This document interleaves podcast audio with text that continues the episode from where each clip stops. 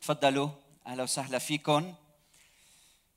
بداية عندي كلمة تقدير للقيمين على هذا الصرح. سمحوا لنا نجتمع اليوم ككنيسة واحدة. أنتم بتعرفوا نحن عندنا خمس اجتماعات بالأسبوع. بسبب ضيق المكان ما عندنا مكان كلنا نجتمع فيه. لكن اليوم كلنا مجتمعين مع بعضنا البعض.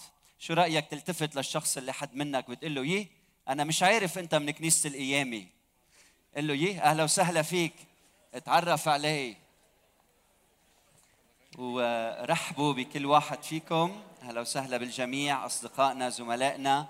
إذا أول مرة بتكونوا معنا مشاهدينا أهلا وسهلا بالكل.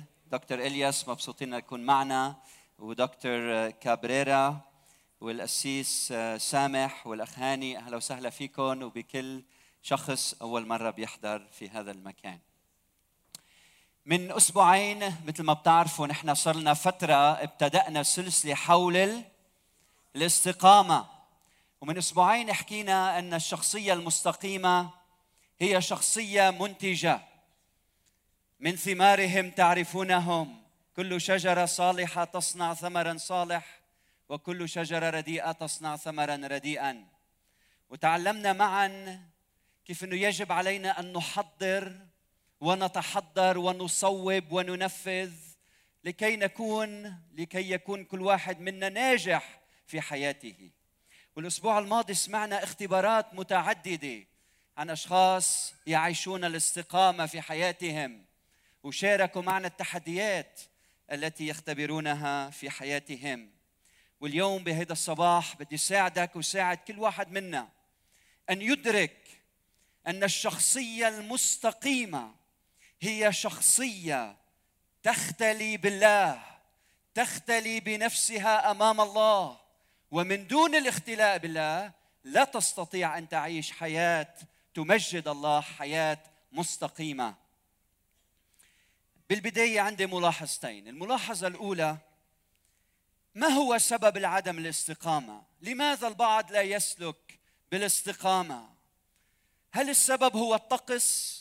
إذا الطقس حار أستقيم وإذا الطقس ماطر لا أستقيم. هل المشكلة في الآخر؟ إذا عملني بشكل جيد أستقيم وإذا عملني بشكل غير جيد لا أستقيم. عدم الاستقامة أحبائي لها علاقة بالذات. هو كل ما انتصرنا على الذات نستطيع أن نعيش حياة مستقيمة مستقيمة. الملاحظة الثانية بما أن الاستقامة كما تعلمنا مرتبطة بالنجاح من المستحيل انه الإنسان يعيش باستقامة وينجح عن طريق الصدفة. ما حدا بيصير بارع ولا معلم متميز ولا أب غير شكل ولا حدا بيلعب موسيقى. وبيصير من الطراز الأول عن طريق الصدفة. ولا شخص بيصير مستقيم ولا إنسان بيصير عنده شخصية منسجمة متكاملة. تعيش حياة مقدسة عن طريق الصدفة. هناك أشياء نقوم بها. هناك يجب علينا أن نتحكم بذواتنا. نسيطر على ذواتنا لكي نستطيع أن نعيش حياة منتصرة مستقيمة. فيلي بده يعيش حياة مستقيمة يجب أن يكون قادر أن ينتصر ويتحكم وينظم ذاته. ولكي تستطيع أن تنظم ذاتك وتتحكم بذاتك يجب عليك أن يكون لك وعي صحيح للذات. ولحتى يكون عندك وعي صحيح للذات يجب أن تختلي بالله صانع هذه الذات والقادر أن يغيرك ويكشف دواخل قلبك. القيادة الحقيقية لا تبدأ بقيادة الآخرين. القيادة الحقيقية تبدأ بقيادة الذات. وعندما تكتشف ذاتك تستطيع أن تقود ذاتك. ولكي تكتشف ذاتك تحتاج إلى النور الإلهي يدخل إلى قلبك. في لحظة اختلاء بينك وبينه لتكتشف ذاتك وتفهم ما يريد منك الله. كاتب المزمور 119 العدد التاسع وخمسين يقول تفكرت في طرقي ورددت قدمي إلى شهادتك. بالأول تفكرت وبعدين صححت المسار. مراثي إرميا يقول لنفحص طرقنا ونمتحنها ونرجع إلى الرب. بنفحص بالأول وبعدين شو بنعمل؟ نرجع إلى الرب. داود يقول اختبرني يا الله واعرف قلبي امتحني واعرف أفكاري. وانظر إن كان في طريق باطل واهدني طريقا ابديه اسمعوني منيح أيها الأحباء. أهم منتج أهم منتوج ممكن أن تقدمه إلى العالم والذي يغير حياة الناس هو ليس شيئا نصنعه بأيدينا إنما ذات نشكلها. فعندما تشكل ذاتك هذه أقوى شهادة في العالم بانك تابع حقيقي للرب يسوع المسيح. قال الرب يسوع المسيح أنتم نور العالم أنتم ملح الأرض. ما قال يلي بتصنعوا نور العالم ما قال يلي بتعملوا أنت أنت أنت. كل واحد منا أنت بكيانك بشخصك بقداستك بأمانتك بمحبتك بتضحياتك. أنت هو نور العالم نور العالم. لماذا الاختلاء بالذات أمام الله ضرورة من أجل تحقيق الاستقامة؟ هذا هو السؤال الكبير يلي بدي جرب جاوب عنه في هذا الصباح. لماذا الاختلاء بالذات أمام الله ضرورة من أجل تحقيق الاستقامة؟ الجواب الأول لأن الإنسان خاطئ ومعرض للسقوط دائما. دواء لكبريائنا ضد كبريائنا. إذا بتلتفت هلأ للشخص اللي حد منك وبتقول له أنا خاطي. قل له أنا خاطي. أنا خاطي. أنا خاطي. ما تستحي قل له أنا خاطي. أنا إنسان خاطي. كما هو مكتوب أنه ليس بار ولا واحد. ليس من يفهم. ليس ليس من يعمل إرادة الله إلى الجميع زاغوا وفسدوا معا ليس من يعمل صلاح ليس ولا واحد. أحيانا للأسف بنفكر إذا شخص شخص أعطى حياته ليسوع المسيح سلم قلبه بلحظة من اللحظات تاب ورجع لعند الرب وهذا أمر مهم جدا. بفكر أنه كل شيء فيما بعد سيكون على ما يرام. أخوتي كما أنك تحتاج إلى القوت اليومي لكي تستطيع أن تستمر في الحياة تحتاج إلى القوت السماوي كل يوم وإلا تسقط وتنهزم وتفشل. رب يسوع المسيح بيقول اسهروا وصلوا لكي لا تدخلوا في تجربة. لا يدع رجلك تزل فمن دونه تزل من دونه تسقط من دونه تنهزم. حتى لو كان لك سنين عديدة في الإيمان حتى لو كنت بطل خادم غير شكل ما في اقوى منك. انتبه. إذا ما بتقضي وقت بينك وبين الرب في اختلاء حقيقي. كل شيء بتعمره بتهدمه. كل شيء بتبنيه يهدم. وبتصير عم بتقود قيادة زائفة بتصير عم بتقود من ذات زائفة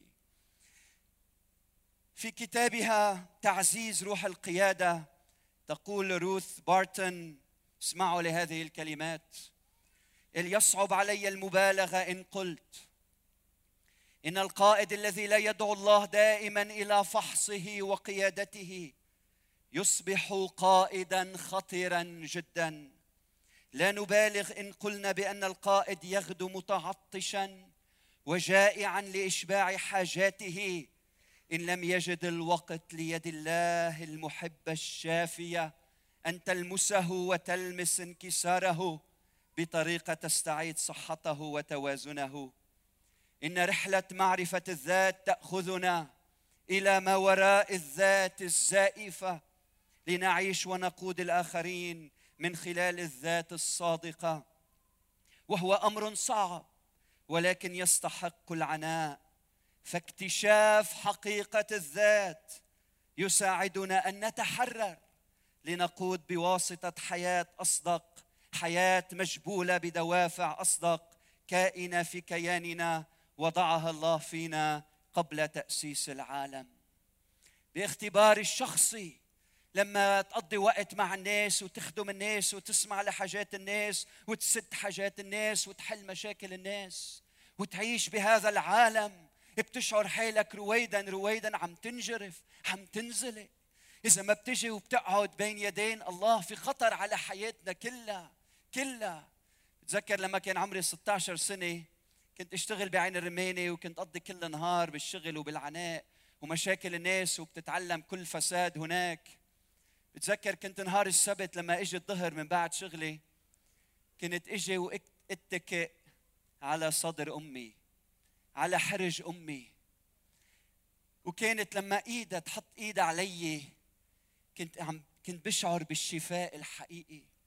كنت بشعر بهاليد الناعمة يلي كأنه نور عم يدخل على قلبي وعم بينقي ظلمات قلبي بسبب يلي عم شوفه بحياتي اليومية. وكم من واحد منا يحتاج باستمرار إلى هذه اليد الإلهية الناعمة لتصل إلى قلوبنا وتشفينا. نور لحياتنا. بدي لك بهذا الصباح كما إنه من دون نور الشمس هذا العالم يبقى في الظلام. من دون نور قيامة يسوع المسيح ستبقى في الظلام إلى الأبد. فيسوع المسيح هو نور الحياة هو نور العالم.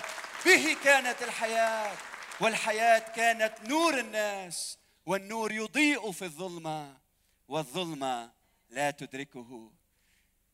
لما تختلي بالله بهيدي اللحظة هيدي أنت عم تعطي فرصة للنور الإلهي يخترق كيانك ويعطيك الشفاء. هل هل تقضي وقت في الخلاء في خلوة مقدسة بينك وما بين الرب؟ لماذا الاختلاء مهم؟ ثانيا لأن المشكلة عادة تبدأ وين؟ في الداخل في الداخل. في الكيان. الرب يسوع المسيح له كل المجد. يقول لأنه من الداخل من قلوب الناس.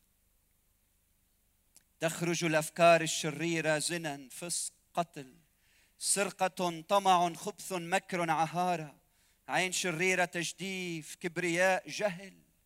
الجميع هذه الشرور تخرج من وين؟ من الداخل. وتنجس الإنسان.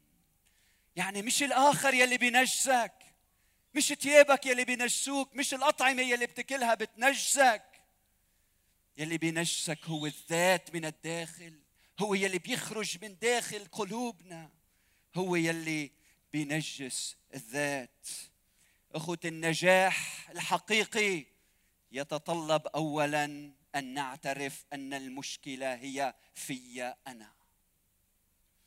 إن المشكلة هي في داخلي اولا. هي منا هناك هي منا في الآخر. هي منا بزوجتي هي منا بأولادي هي منا بمديري هي منا بموظفيني. المشكلة تبدأ هنا في داخل كياني في داخل حياتي. بسبب كبريائي بسبب تمحوري حول الذات بسبب جروح من الماضي بقيت في كياني وبحياتي. هي السبب. لحتى أربح أي معركة يجب أن أربح اولا معركة ذاتي. لما بنتصر على ذاتي أعيش منتصر دائما وفي كل ظروف الحياة. بارتون تقول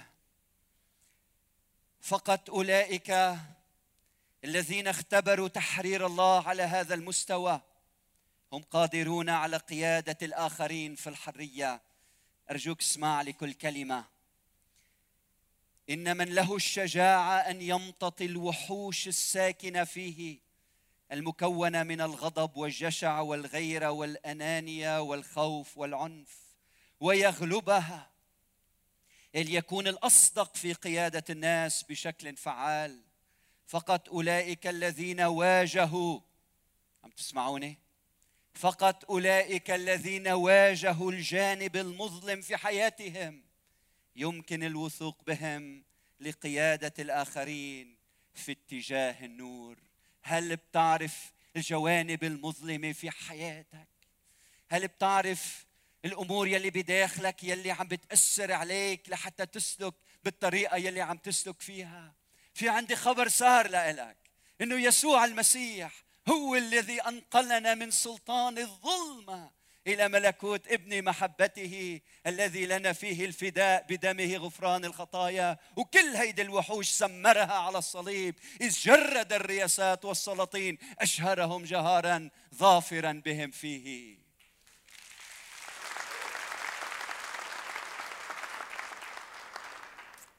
النقطة الثالثة الامتلاء الاختلاء بالله مهم لأنه كثيرا ما لا نعي الظلمة الموجودة فينا. لا نعي الظلمة الموجودة فينا. إرميا 17 9 يقول القلب أخدع من كل شيء وهو نجيس من يعرفه.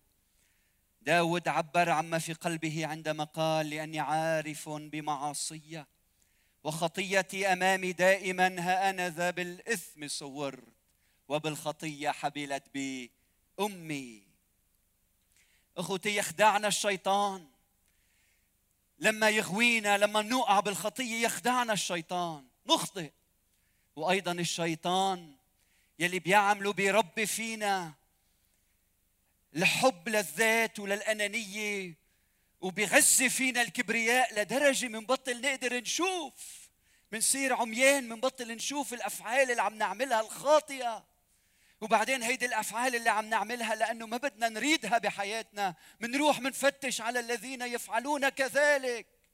ومنصير بدنا نشيل الخشبة يلي هي من نفس النوع الموجود في عيني وبدين الآخرين وما بقدر شوف إنه المشكلة فيي لأن الشيطان أعمى عيوننا لكي نرى الظلمة الموجودة في داخلنا.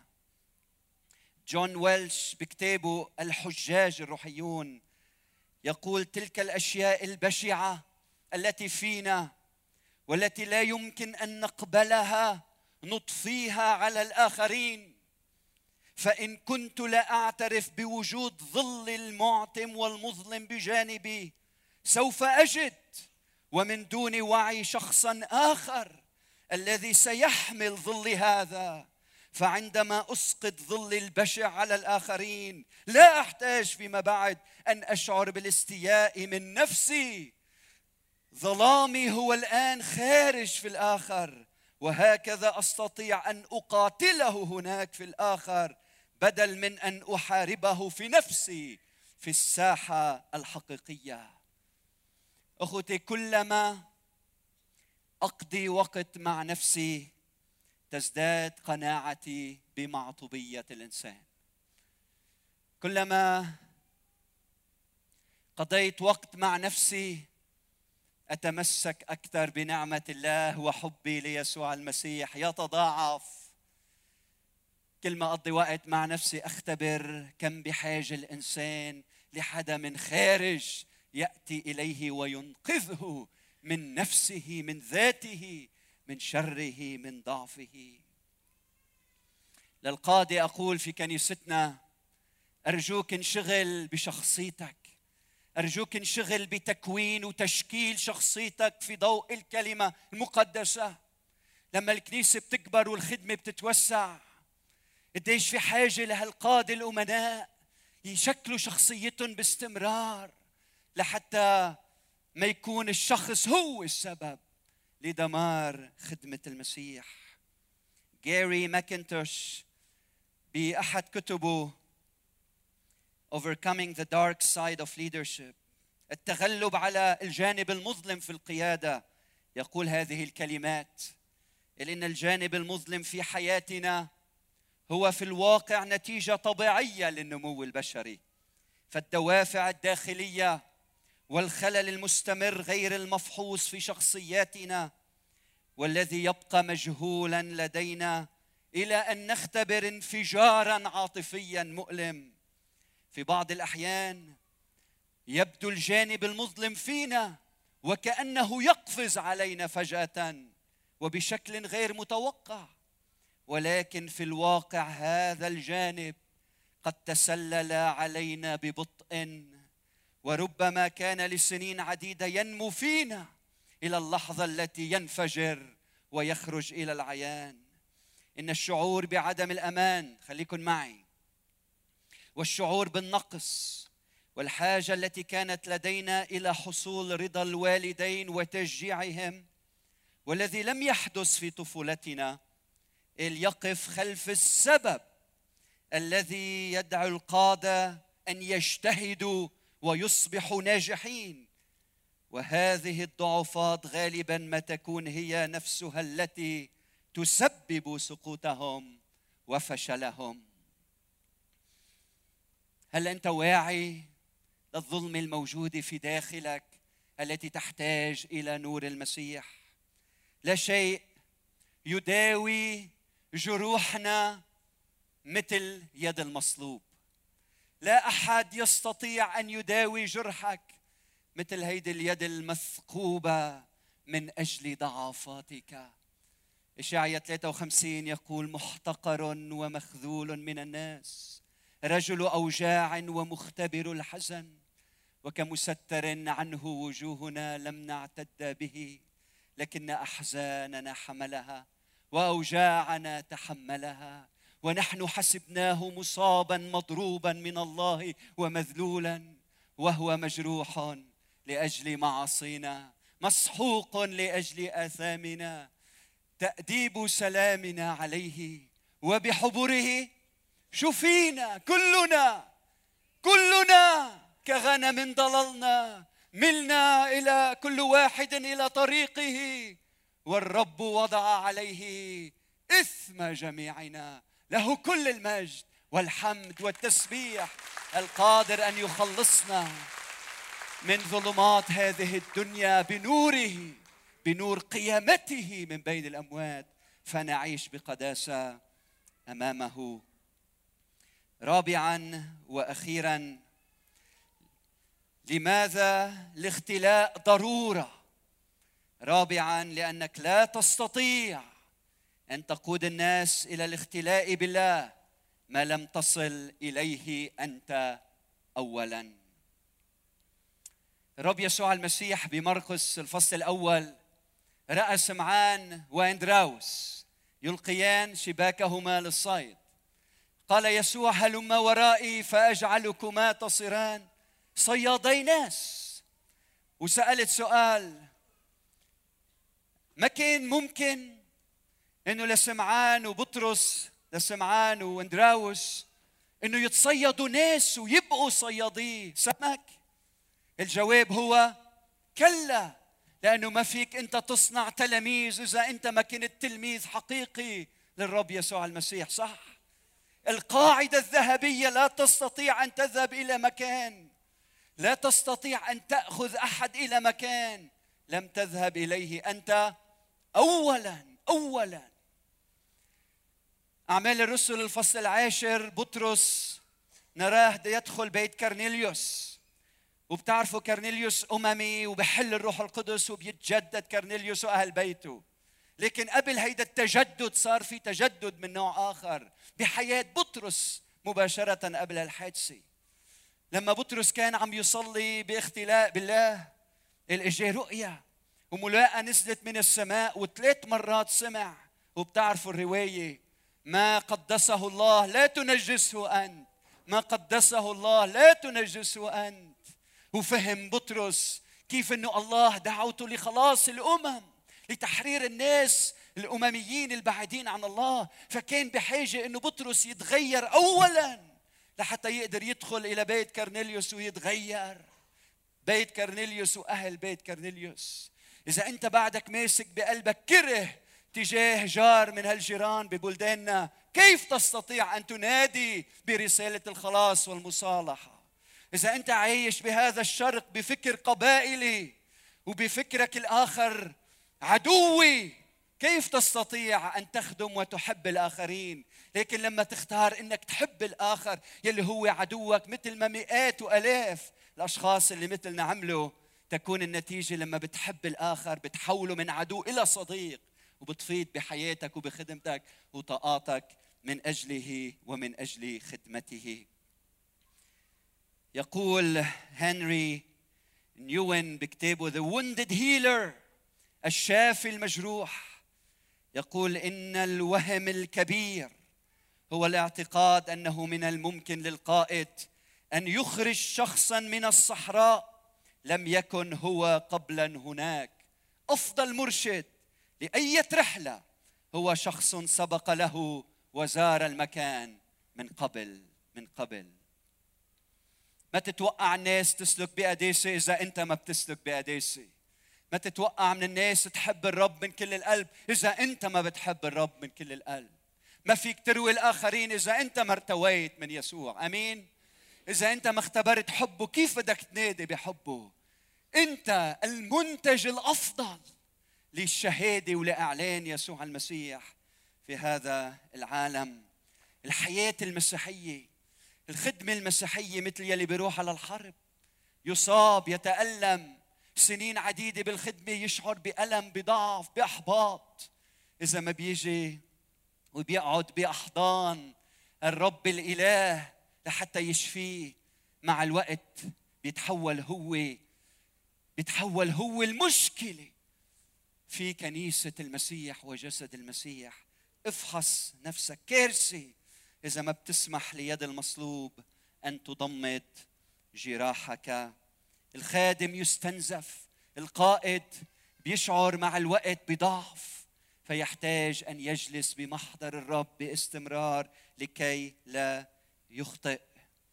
يقال إنه لا أحد يمشي على الجمر ولا تكوى رجليه والخدمة مثل يلي بيمشي على الجمر. من هيك نحتاج لمر لمرهم الروح القدس وليدي الإله أن تغسل قدمينا لكي نستمر بصحة جيدة صحة روحية ونخدم الرب كما يريد. بالختام الذات هي له. الذات هي صنعه الذات هو افتداها لخيرك لخلاصك. هو اللي خلصنا وافتدانا وبعدين عنه. ندمر نهزم. بتذكر بالتسعينات كنت بعدني جديد. أول ما بيجي على الكنيسة سمعت قصة من راعي كنيستي يلي حملتها معي وصرت خبرها لأصدقائي. القصة بتقول عن شاب حب يعمل سفينة فاشتغلها بإتقان وجمع الخشب وزبطها وجملها حط لها شراع جميل. وعمر لها وركب لها باب ودهنها وزينها ومسكها وتأمل فيها وعشقها وحبها. يوم من الأيام قال بدي آخذ سفينتي وحطها بهالنهر وشوفها كيف بتمشي بالماء.